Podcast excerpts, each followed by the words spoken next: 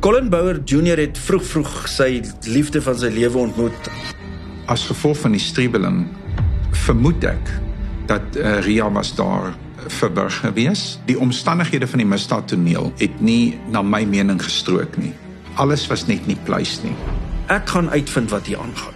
Ek wil 'n antwoord hê. Ons het die toneel baie snaaks gevind want daar was geen emosies gewees nie. Almal se aanvanklike indruk toe hulle op die toneel gekom het, was iets is nie reg. Wat vir my daarop gedui het dat die toneel gestage was. Hy's ernstig aangeraak en Daar was regtig geen lewe in daai liggaam. en die ma's bekommer. Daai oorweldigende hartseer het hulle eenvoudig net nie waargeneem op die toneel. In 'n familiesaga van moord en tragedie leer ken ons vir Colin Bouwer Junior wat met die hulp van sy ma langs sy pa in die nuus verskyn het. 'n Internasionale familiereunie wat niemand kon voorspel nie. Hier is huisgenootredakteur Ivan Beyers.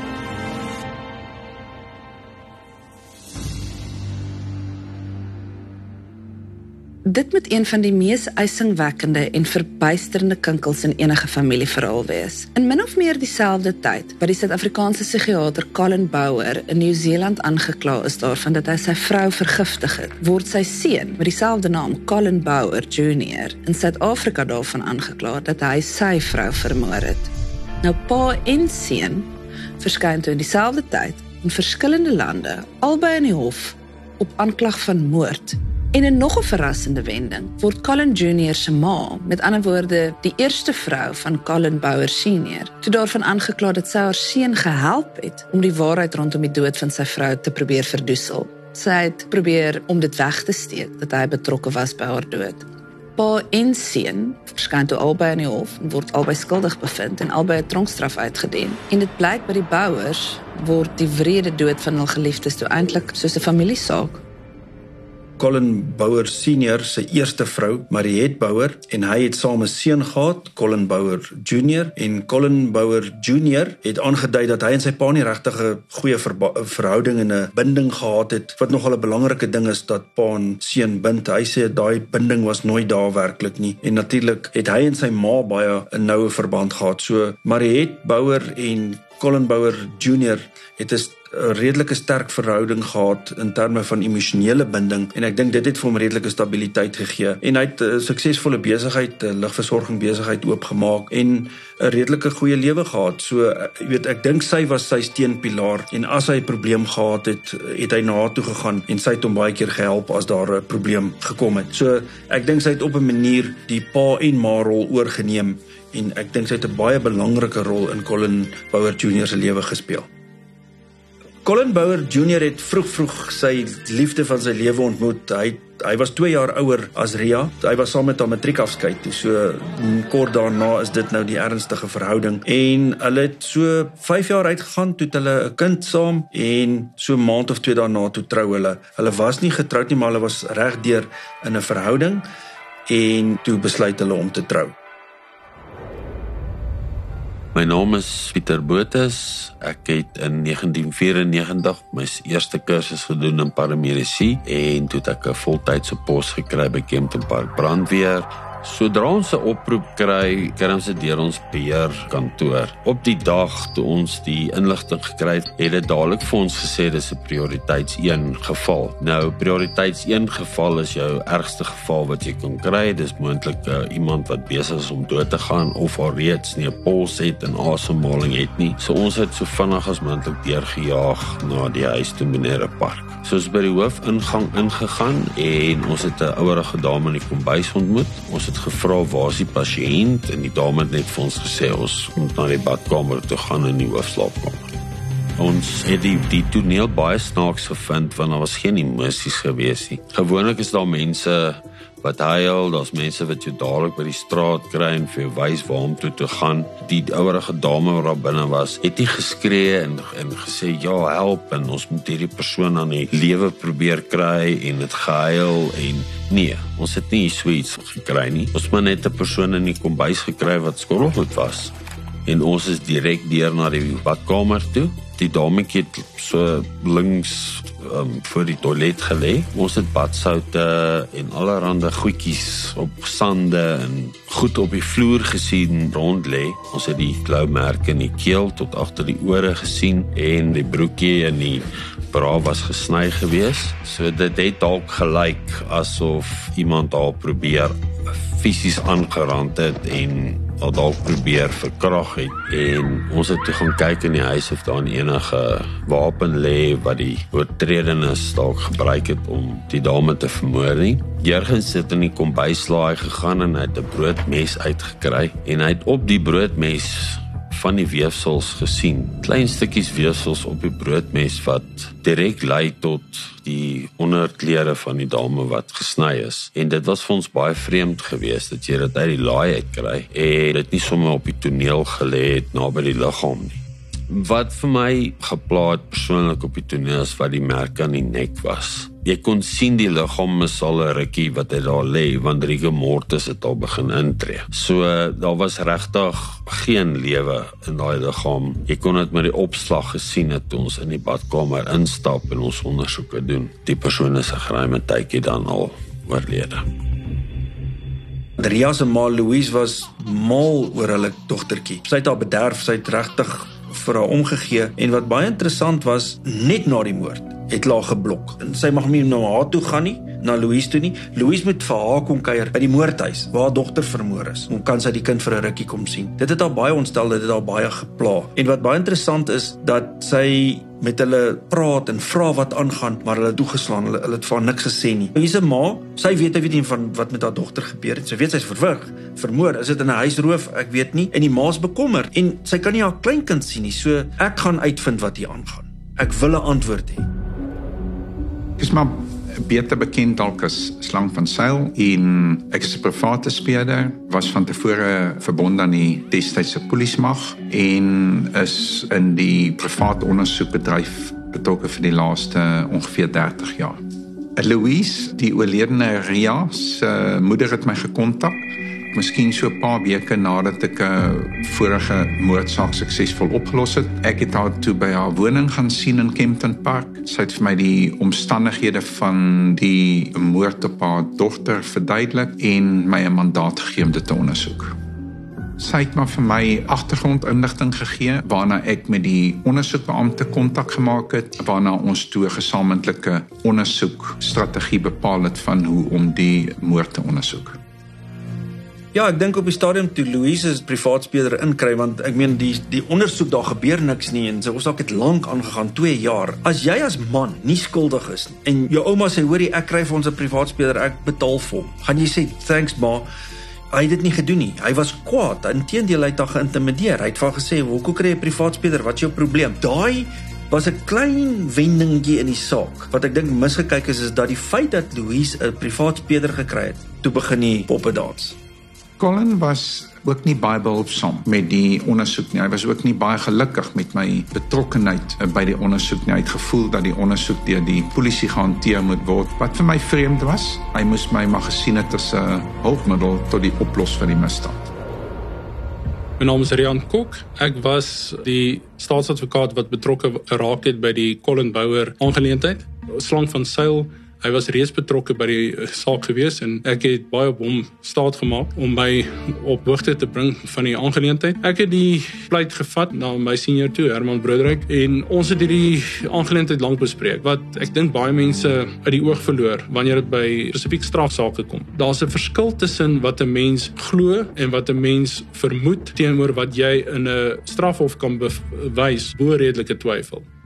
Ek het die toneelfoto's nagegaan. Op een van die foto's het ek gemerk dat daar items bo op die liggaam van die oorledene gelê het wat vir my daarop gedui het dat die toneel gestage was. Die toneel het gelyk soos 'n uh, inbraak wat daartoe gelei het dat uh, Lia die oorledene vermoor is en moontlik verkragt is. Ons kyk na misdaadtoneel en praat jy van 'n georganiseerde misdaadtoneel en 'n gedisorganiseerde misdaadtoneel. Daai misdaadtoneel is 'n gemengde misdaadtoneel. Aan die een kant badballetjies in die badsout, die broekies sny om die mes nie skoot te maak nie. Die weefseltjies aan die meslem te los.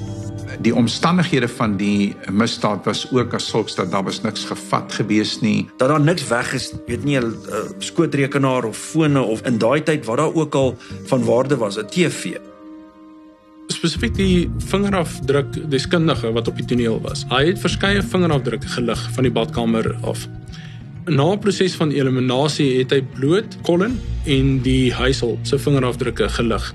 So daar was geen vreemde persoon se vingerafdrukke gelig van die badkamer af nie.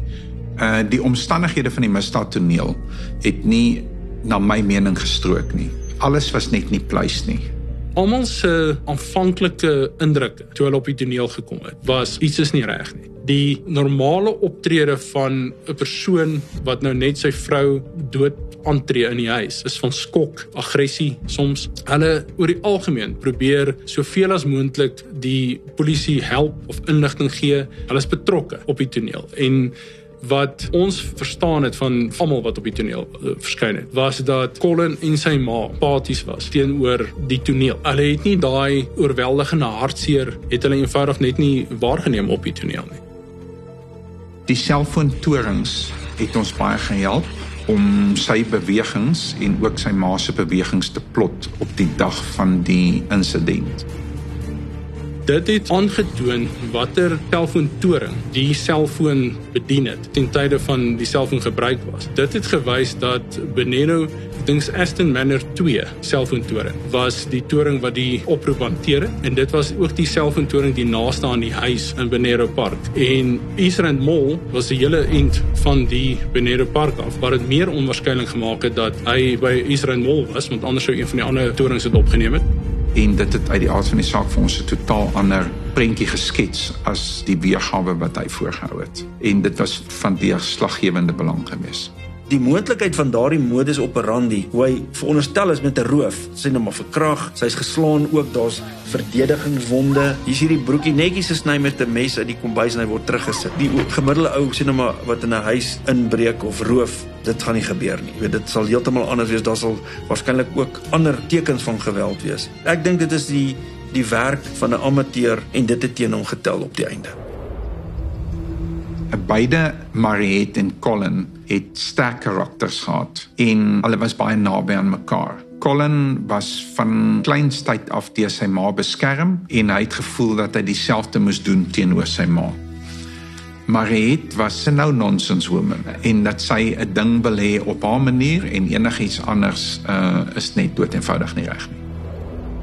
Ons moet in gedagte hou hierdie saak het gesloer. Daar was nie genoeg leidrade, die ding het nie gebeur nie. Wat baie interessant is, hier teen die volgende jaar, sy het nou ook intussen net Louise privaat speurder gekry want sy wil nou die antwoorde hê en Colin was glad nie te vind vir hierdie idee dat sy skoonma nou 'n uh, privaat speurder gekry het om die saak te ondersoek nie. En daar het nou 'n reeks intimidasies plaasgevind. Selfs die privaat speurder is deur Colin geïntimideer. 'n Ding wat ook uitgekom het is dat hy op 'n stadium volgesê het hy gaan verslang van seil uithaal Ek verwag nie dat die persone wie ons ondersoek vir ons gaan kerskaartjies stuur nie. Ek het dit al gehad met ander ondersoeke ook dat eh uh, persone van intimidasie taktik gebruik maak. Jy kan jou nie daardeur laat afskrik nie. Jy moet maar jy moet doen wat jy moet doen en die resultaat op die tafel sit.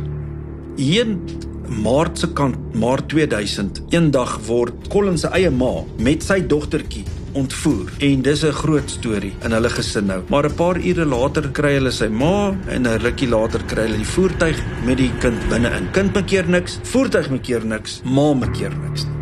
April kom 2000. Onthou nou As jy nou vat, is nou al nou begin ons nou amper na 'n jaar toe gaan nadat Louise se dogter nou dood is en daar's nog niemand skuldig bevind nie. Louise was baie ontwrig want dit is nou die eerste Kersfees sonder haar kind en sy 'n Kersversieringkie op haar graf gaan sit hier kry sy hierdie voodoo pop met 'n uh, kersversiering.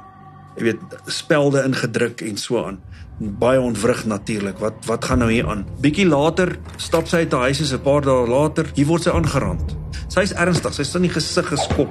Sy's op die lyf geskop. Haar bene is gebreek. Sy's ernstig aangerand en net daar gelos. Daarna volg nog 4 voodoo poppies. Jy weet die, die een met die kondoom oor 'n kop, ander met geslagsorgane wat buigbaar is. Nou dat jy jy sit soort van een of ander spel, jy weet jy jy op iemand, jy gaan nou jy gaan nou hierdie persoon gaan met hulle iets gebeur en ek dink dit was die boodskap. Die probleem van die met die saak teen Colin Junior was van die staanspoor af dat ons nooit direkte getuienis teen hom gehad het. En dit was 'n probleem van die begin van die saak af. Uh, gewoonlik met 'n moordsaak sal jy 'n ooggetuie of 'n moordwapen met vingerafdrukke of iets in die uh, lyn hê wat 'n direkte verbintenis tussen die verdagte en die moord vir jou kan kan daarstel. In hierdie geval het ons dit nie gehad nie.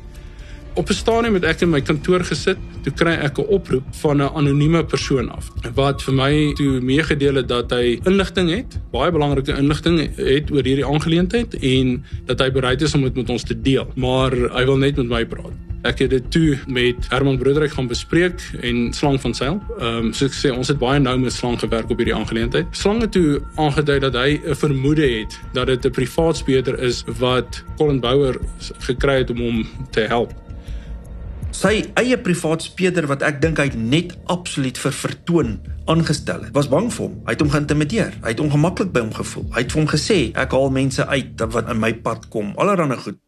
En hy het vir ons of vir my meegedeel dat hy 'n bandopname het van gesprekke wat hy afgeneem het tussen hom en Colin se ma. Wat die bandopname teweeggebring het, was dat Colin haar geskakel het en vir hom meegedeel dat hy 'n uh, Ria vermoor het.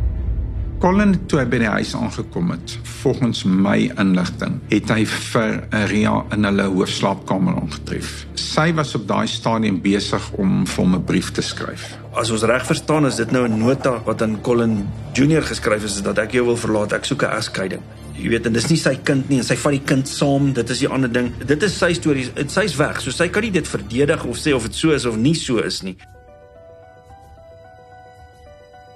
Dit het vir my voorgekom dat daar 'n streweling van een of ander aard in die hoofslaapkamer was. As gevolg van die streweling vermoed ek dat uh, Ria was daar verberg gewees. En nadat hy toe besef het wat gebeur het, het hy haar afgedra na een van die toilets toe op die grondvloer van die huis. En dat hy sy ma geskakel het vanaf die misdaadtoneel dat sy ma toe inderhaas vanaf die berg na die uh, misdaadtoneel toe gery het sy het toe vir hom gesê dat hy al by ek dink dit was 'n kafee ergens moet, moet kry. Hy moet in die dorp inkom. Hy moet sorg dat mense hom sien. Hy moet 'n alibi opbou. Hulle het toe saam teruggekeer na die huis toe. En dit is waar hulle toe besluit het om die toneel te gaan verander en so op te stel dat dit lyk na 'n inbreker wat dan moontlik dan op 'n kragting en 'n moord uitgekom het. En eers lank nadat sy by die woning gearriveer het, het hulle die polisie gekontak om na die misdaadtoneel toe te kom. En weens die inligting wat ons gekry het op die bandopname, het ons toe vir Mariet laat arresteer. Toe sy ma beken het aan die privaat speler, ja, hy het haar verwrig, want hy hulle het nou net gepraat, ek dink en sy wou dit van haar afkry. Sy het met 'n skuldgevoel rondgeloop en sy wou net iets doen. Sy wou 'n katarsis hê. Sy wou net van daai skuldgevoel bietjie ontslaa raak en praat met hierdie privaat speler in vertroue. Dit was nou vir ons voordelig vir die saak want dit is toe dit nou uitkom want hy het op die ou einde het daai bekentenis wat Mariet aan die privaat speler gemaak het, het eintlik die saak wyd oop gegooi. Ek het saam met die uh, polisie ondersoekbeampte die aanklaer by die nasionale vervolgingsgesag gaan sien. As gevolg daarvan was daar 'n lasbrief uitgereik vir Colin en die polisie het hom gearresteer, die ondersoekbeampte. Hy was voor die hof gebring op 'n latere stadium vrygelaat nadat borg aan hom toegestaan was. Colin word gearresteer. Maar onmiddellik toe hulle hom arresteer, toe blameer hy Louise, haar seun, haar familie het vir Ria vermoor. En hy begin daar, hy's van kleins af gemolesteer, was sy was mishandel. Dit was hulle wat haar kom doodmaak. Dit was nou sy tweede idee om die blame van hom af te kry, om onmiddellik haar ma en haar familie te blameer. So weer eens, dis nie ek nie. Dit is wat my pla in sy saak. Hy het nooit verantwoordelikheid geneem dat hy sy vrou verwrig het nie. Die verhoor het begin, ons was omtrent 2 weke reeds op verhoor gewees. Toe het ons met Mariet se regspan ontmoet. Hulle is uit die aard van die saak gekonfronteer met die getuienis wat aangebied was oor, oor haar gesprekke met die uh, onder ag met die die privaat speler. Hoewel sy aangedui het dat sy nie bereid gaan wees om te getuig teen uh, Colin Asie nie, het haar verklaring en haar skuldig pleit uit die aard van die saak baie verdoemende getuienis teen hom bevat. Die probleem was dat dit nog steeds hoorsê getuienis was teen aansien van Collins se voor. Ons het toe met sy uh, regspan vergader en hulle toe aangedui dat hulle sal uh laat hulle skuldig pleit gaan indien maar op strafbare manslag, nie op die moordaanklag nie.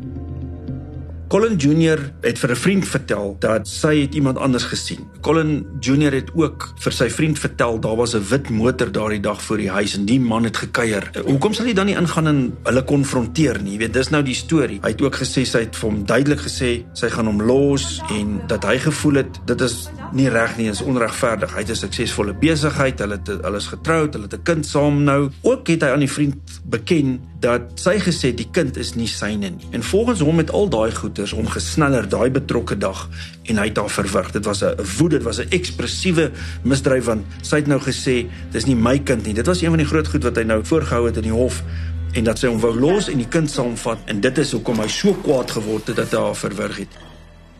Die strekking was dat uh, die risie het, het hande uitgeruk. Hy het haar om die keel gegryp en en hy het haar gewurg en sy is dood. En dat hulle toe die toneel so gaan verander het dat dit lyk na 'n inbraak en dan 'n moontlike verkrachting. Hy het erken dat hy haar klere afgesny het. Hy het erken hy die veiligheidshekke uh, oopgesluit laat dit kan blyk dat iemand dan kon toegang gekry het tot die huis. Daar was absoluut geen beplanning om van Collins se kant af om vir Ria dood te maak nie absoluut geen nie. Dit is 'n ongeluk. Die besluit om die skuldigpleit van Colin Bouwer te aanvaar, moet ek van die staanspoor af sê, was nie 'n besluit wat ligtelik geneem was nie. Ek self wou nie die pleit aanvaar nie. Ek was uh, tevrede dat ons die verhoor moes deurloop omrede ons nie direkte getuienis gehad het teen Colin nie. Bly dit 'n risiko. Die toets is bo redelike twyfel en dit, en dis 'n baie hoë toets om in 'n strafhof te slaag veral waar die beskuldigde reg staan aan moord. Ja, ons het omringende omstandighede gehad. Ja, in almal se gevoel en weet se aanvaarding was hierdie was 'n moord. Was Herman bekommer dat as ons die omringende omstandighede nie sterk genoeg deurkom in die hof nie dat ons 'n onskuldig bevinding kan kry en dit was eenvoudig net nie 'n risiko wat hy bereid was om te loop nie. Dit was eenvoudig nie 'n saak wat ons wou of kon verloor het nie omrede daar baie goed gebeur het met Louise na die verlies van haar kind. En die kleinkind wat sy gesukkel het of, of nie kon sien nie dit het dit het regtig 'n tol op op haar ge, geëis wat wat duidelik sigbaar was. Uh, en op advies van van Herman Broederyk dat aanvaar die pleit op strafbare manslag verseker skuldig bevinding en druk vir die maksimum vonnis wat jy kon kry. Wat ons toe reg gekry het was 'n direkte gevangenisstraf van van 8 jaar. Dit was op die strafbare manslag en dan op die regsveruideling. Uh, hy het nie geappeleer teen uh, die offisiële opgevinding of die vonnis nie. Uh, maar hy het aan die ander kant het teen uh, haar skuldig bevinding in in vonnis geappeleer. Daardie appel is van die hand gewys. As ek reg kan onthou, het sy gepetisie en dis ook van die hand gewys. Colin Bouwer Junior is nie ek nie. Is almal om my behalwe ek. Verander die misdaad toneel. Intimideer mense. Blameer haar familie is net nie ek nie. Wou nooit daai verantwoordelikheid neem nie. Colin Bouwer Senior, sy vrou oor 'n lang tyd haat vermoor is nie ek nie. Sy het selfmoord gepleeg. Hy hy wou nie haar verantwoordelikheid nie.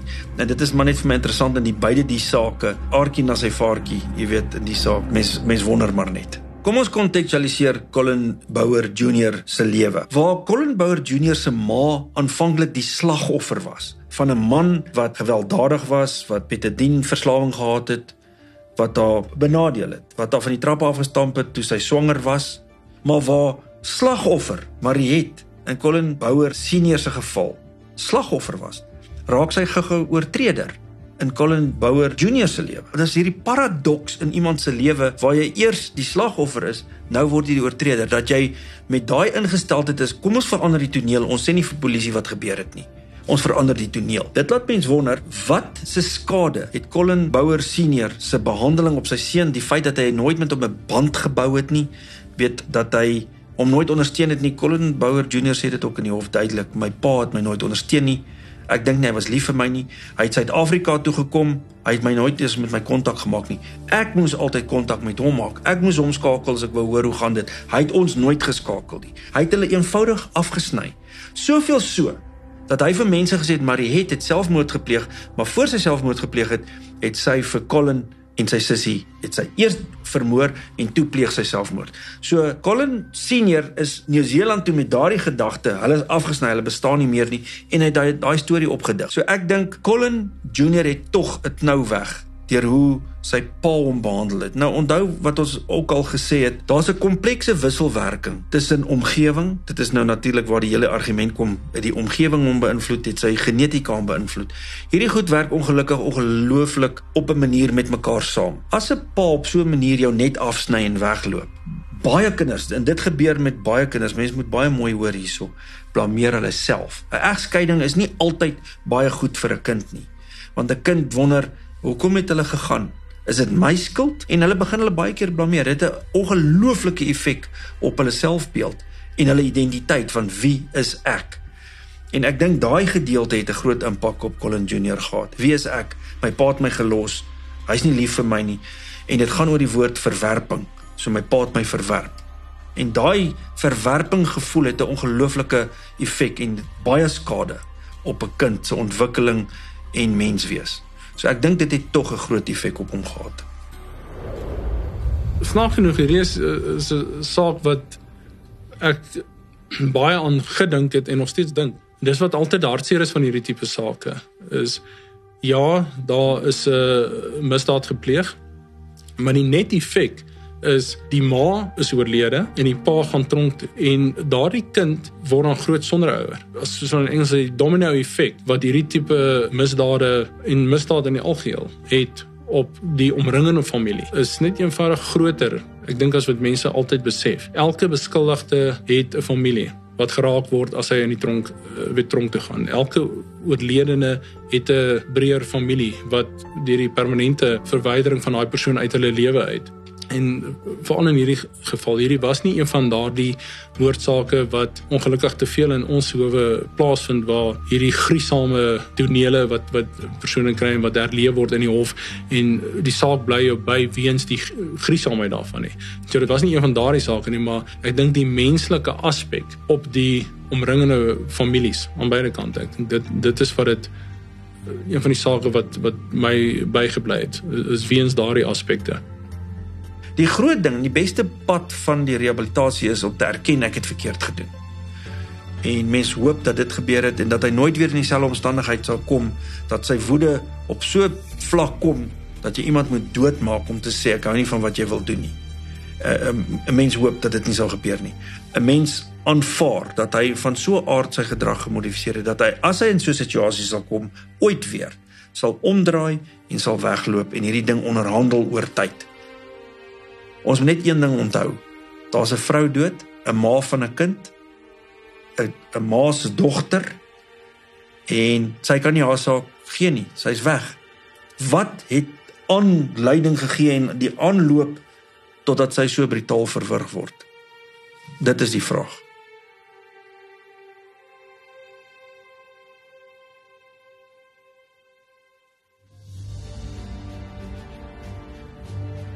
Colin Bauer Jr is sy pa se kind en die familiesaak is 'n skrikwekkende herinnering aan die ongewone en soms sinistere aard van familiebande. Ek is Ruda Landman en dit was huisgenoot se ware lewensdramas.